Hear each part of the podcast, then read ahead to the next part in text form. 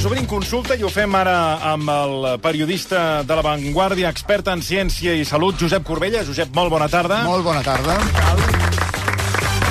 Bueno, per començar anem a desmuntar una informació que ens va cridar l'atenció, concretament eh, una informació, una investigació de la Universitat eh, College, eh, de la University College de Londres, que va publicar aquest dilluns la revista Nature Medicine, i que explicava eh, que hi ha alguns casos d'Alzheimer que es produeixen eh, per contagi.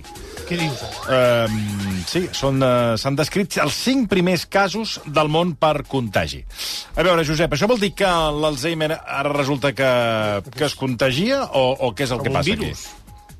Mira, deixa'm aclarir que la via de contagi que s'ha descrit és extremadament, extremadament inusual i que per les persones que conviuen amb persones amb Alzheimer o que són cuidadors de persones amb Alzheimer no hi ha cap risc, absolutament cap. Eh, No és un contagi que es produeixi ni per l'aire, ni pel contacte amb la pell, ni per saliva, ni per mocs, ni per cap de les coses que fem amb les persones que convivim, tampoc per sexe.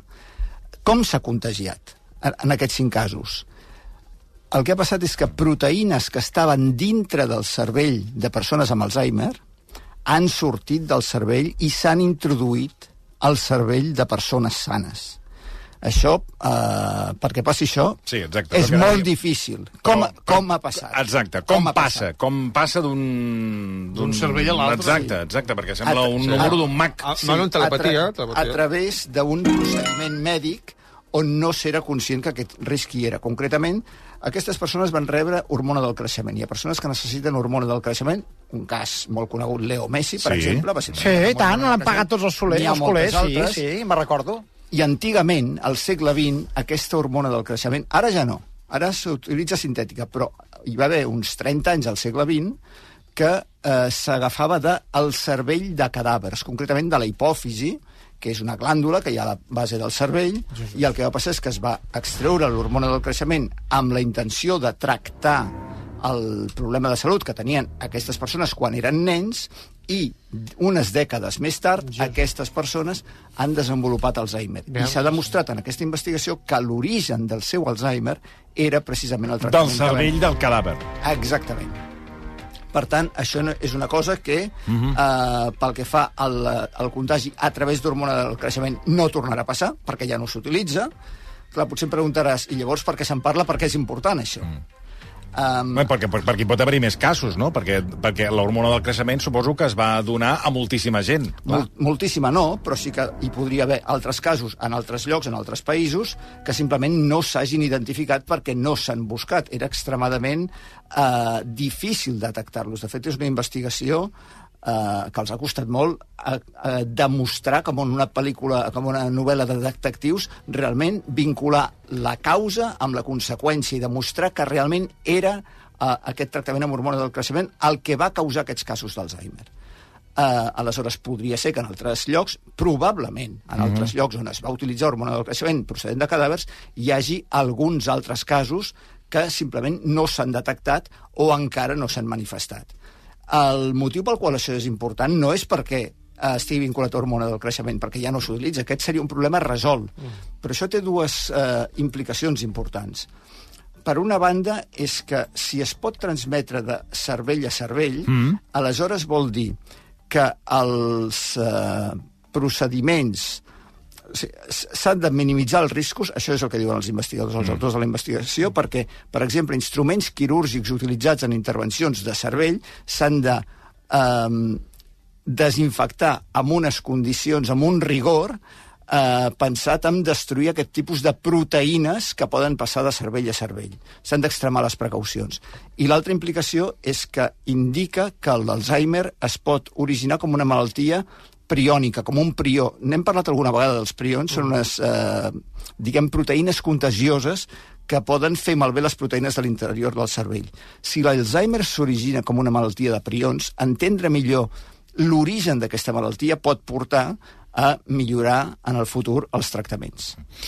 Bé, doncs eh, ja, ja ho hem aclarit, eh, molt ben explicat pel Josep Corbella, i anem amb el que també es va ser en el seu, en el seu dia un, bueno, una d'aquestes notícies que va, va donar la, la volta al món, no sé si és més publicitat que una altra cosa, però ara, ara ens, ho, ens ho explicarà el Josep Corbella. Estem parlant d'Elon Musk, que va anunciar també aquest dilluns que ha implantat el primer xip cerebral a un ésser humà. Diu que sí. Uh, bé, ell diu que, que, que, que l'operació, allò que diuen, ha anat, ha anat, Ha anat molt bé. bé, ha anat molt bé, la... i ara um, li preguntaré al Josep Corbella, per començar, quina mena de xip se li ha implantat a aquesta persona, que és la primera que uh, ja entra dins aquest... Com un robot. Uh, exacte, amb aquests, aquestes proves experimentals que volia tirar endavant l'empresa d'Elon Musk, que es diu Neuralink, i que ja ha fet la, la primera, El cap li van la primera posar? implantació. Ara, ara li explicarà al Josep, perquè Doncs, jo no, no hi era. Mira, si era publicitat o una altra cosa, és publicitat Val, i doncs. també és més que publicitat. Hi ha un projecte de recerca consistent aquí al darrere. El xip aquest, eh, el que consisteix és una, un dispositiu molt petit que s'implanta dins del cervell, que té elèctrodes que identifiquen, que registren l'activitat cerebral de, de les neurones allà on s'han implantat, i que té, està connectat eh, per via inalàmbrica, sense cables, amb l'exterior. Per tant, és un, és un xip que registra l'activitat cerebral. Uh, amb quin objectiu? Amb què el... Mira, això forma part d'un assaig clínic. Uh, explico, és un assaig clínic autoritzat per l'Agència Reguladora de Medicaments dels Estats Units, com de qualsevol tractament, i està autoritzat per persones que són tetraplègiques, que són paralítiques de braços i de cames quin sentit tindria registrar l'activitat cerebral? Imagina't, per exemple, el cas de Stephen Hawking. Sí. No era tetraplègic, era ELA, però era una situació que ell no, no podia moure braços i cames. A través del pensament podria donar instruccions a ordinadors o a màquines o a, o a, o al, o a, o a objectes del seu entorn perquè eh, per activar-los, per eh, controlar-los. Aquest és l'objectiu. Aleshores, um, deia que és publicitat. En quin sentit? Nosaltres, per exemple, a La Vanguardia eh, mm. i, i altres mitjans, mm. quan parlem dels, dels assajos clínics? Quan s'acaben. Quan hi ha resultats? Perquè aquest no és l'únic projecte del món per identificar, per registrar l'activitat cerebral de persones amb algun tipus de paràlisi o de discapacitat eh, neurològica. Aquest no és l'únic... Eh, l'únic cas. Per què parlem d'aquest i no d'un altre? Perquè aquí hi ha una, para, una persona que és Elon Musk, que ell sol ja forma part dels titulars si aquesta eh, investigació no, no estigués feta, la, dirigida, eh, eh, vinculada a Elon Musk, no n'hauríem parlat. Hauríem esperat a tenir resultats com n'hem esperat en altres casos. Aleshores, això... Vols dir que al ser Elon Musk, doncs... eh, es magnifica seguida- i ell, eh, i de fet, quan es donen, el, quan s'anuncien assajos clínics? Doncs quan es presenten en congressos, en publicacions científiques. Amb resultats. I aleshores és quan sabem la lletra petita de què ha funcionat, què no ha funcionat, quina ha estat l'eficàcia, els efectes adversos. En aquest cas, l'únic que diu és hem començat i diu una frase molt críptica que vol dir hem registrat activitat neuronal. No diu res més. No sabem si aquesta activitat neuronal servirà per alguna cosa, si després quant temps es mantindrà. Sí. Això, això no ho sabem encara, és massa d'hora per Ni on valorar-ho. s'enxufarà, perquè aquest aparell l'has d'enxufar a algun lloc. No, no, no. no. No, va, va amb el seu cap. Té una pròpia, Sí? té una bateria i aquesta Ah, bateria bateria? es carrega de manera inalàmbrica. O sigui, això no, no li cal endollar-se, per això no es preocupi. No, no, va, va, va, pensava home, que has d'enxufar algun forat del, del teu propi cos o has de buscar... O, o l'única energia que un tenim és el del gas. teu propi, I després- un forat del teu Ah. propi cos. Saps? Jo, el, el, tenim, potser una mica d'electricitat també, també tenim, no? Però bàsicament gas, eh? El que produïm nosaltres és gas. I tenim que enxufar allà baix. Eh?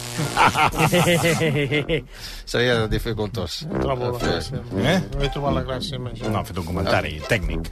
No li fa gràcia? No m'ha fet gaire gràcia. Bueno, eh, Algú... Hi ha dies que sí, avui no, no. Ara no. A veure, senyor Buigas, pregunta que li trasllado. Eh, vostè em sabria dir per què el, eh, quan orinem l'orina Sí, sí. és groga, si està en perfectes condicions, que hauries, el color tendeix a ser groc? No tinc idea. No. Doncs eh, Josep Corbella té la resposta a partir del que ha publicat la revista Nature Mic Microbiology. Perquè els daltònics també? També pixen groc? Ara li explicarà, ara li explicarà el Corbella. En aquest cas, Pixen mira, verd. aquesta és una notícia dedicada a Dani Arbós, Ah, que com que... Que, per cert, Està, Sí, em va enviar la foto. Exacte, sí, que ha estat sí. pare des d'aquí. Oh, felicitats! Es diu Joana. Sí, sí. Felicitats. Molt bé, molt bonic. El Però és un- Penyagós.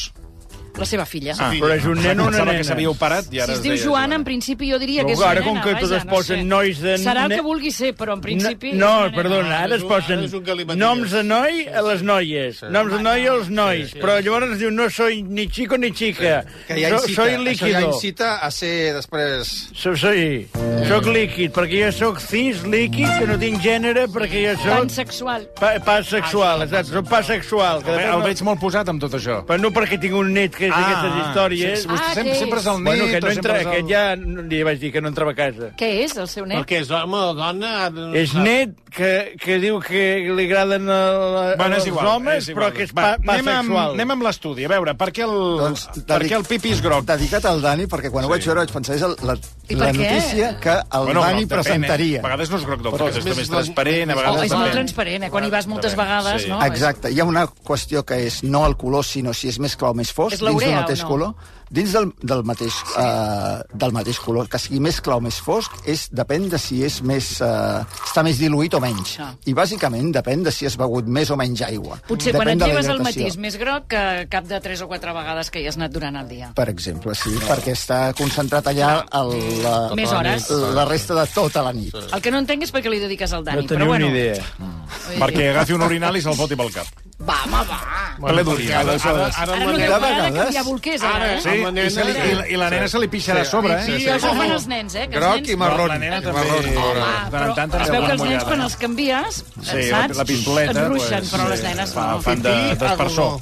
Hi ha casos, no sempre és groc, pot ser de molts colors. Sí. Pots, pot ser blanquinós, pot ser rosa, Sí, pot sí, ser sí. verd, Sí. tendria A A ver... la vermell, fins la i tot Nieve, blau. A la Sociedad de la Nieve- de la Nieve és negra. Sí, bueno, clar. Negre, això no ho sabia. Sí, sí. Però, en fi, que... Perquè la cosa està En apurada. funció del que mengis, de les malalties que tinguis, si és que en tens, dels medicaments que prenguis, pot Clar. canviar el color. Clar. Però en persones sanes que no estigui alterat ni per medicaments ni per, ni per aliments, sol ser groc. Per què és groc? Per I aquí ve la investigació Aviam, de la Universitat de? Maryland. A veure. Silenci.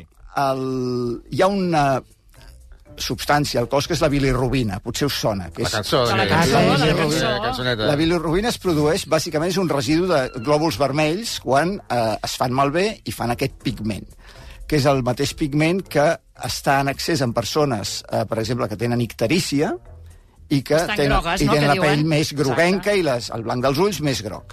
Aleshores, la bilirrubina... Es, Toma.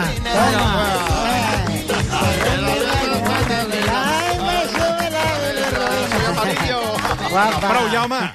Estem en temps científic, es home. modi- també, nois. La bilirrubina es transforma a eh? l'aparell digestiu, passa el residu als ronyons en forma d'una altra molècula que es diu urobilina, no, que és el que finalment s'excreta. I l'urobilina és la que és groga. El que no se sabia és com passes de la bilirrubina a la urobilina. Ah, I el que ha descobert aquesta investigació Urovirina. Però què, què li fa gràcia? De, de, de com es passa de la bilirrubina a la urobil... urobilina. No sabe ni cómo se dice, que, que, que, que me- cómo se nota que, que eres, eres más cur que la montura de la gafa. I a vostè que li faci gràcia això, noi? Doncs en aquest cas la investigació de la Universitat de Maryland, també amb finançament de l'Institut Nacional de la Salut del Govern dels Estats Units, el que ha demostrat és que el que ha identificat és que hi ha un enzim que es diu concretament bilirrubina reductasa, que és el que ho transforma perquè s'elimini la bilirrubina. Uh, per què és important buscar això, que és tan tècnic? Jo perquè hi ha casos en què un excés de bilirrubina pot ser contraproduent i, i eh, trobar com es degrada la bilirrubina podria ajudar a tractar aquells casos, aquelles malalties en què es produeix un excés de bilirrubina. Per exemple, nens prematurs. Sol passar que els nens prematurs tinguin un excés de bilirrubina. Com es tracta això? Doncs si sabem eh, com, quina és la, la molècula que degrada la bilirrubina, es podria buscar tractaments per a aquestes patologies. A mi m'és igual, això, perquè és que no cal tantes carreres ni tants Ah, no? estudis per saber que és una cosa que és de, de, de col·legi de, de, de, de cents d'anys. Que tu quan menges rovellons és quan pixes de color. Però si ja li ha També dit, el fosc. Josep... Ah, I quan menges espàrrecs, allò ens fa olor. Sí, I clar, si fots un revol... amb els Si espàrrecs. fots un revoltillo de rovellons i espàrrecs, et toca, vamos, fas el combo. Els rovellons pot ser que la facin una mica més vermella. Taronja, taronja. Eh que Sí, sí? Sí, Taronja. més, més fosc, sí, sí. Ah. Tendeix a marronejar una I si miqueta són més. d'allà de, de la Txernòbil, I- llavors és fosforito. I la remolatxa, n'has de, de prendre molt, molta quantitat, perquè es noti. La remolatxa també pot passar. Amb les faves diuen que també ho transforma, el color... En fi, Podries ja- posar ja pigment, a, aliments. pigment a la punta? A la punta? A la punta de què? Estem, estem en hora, en horari protocol.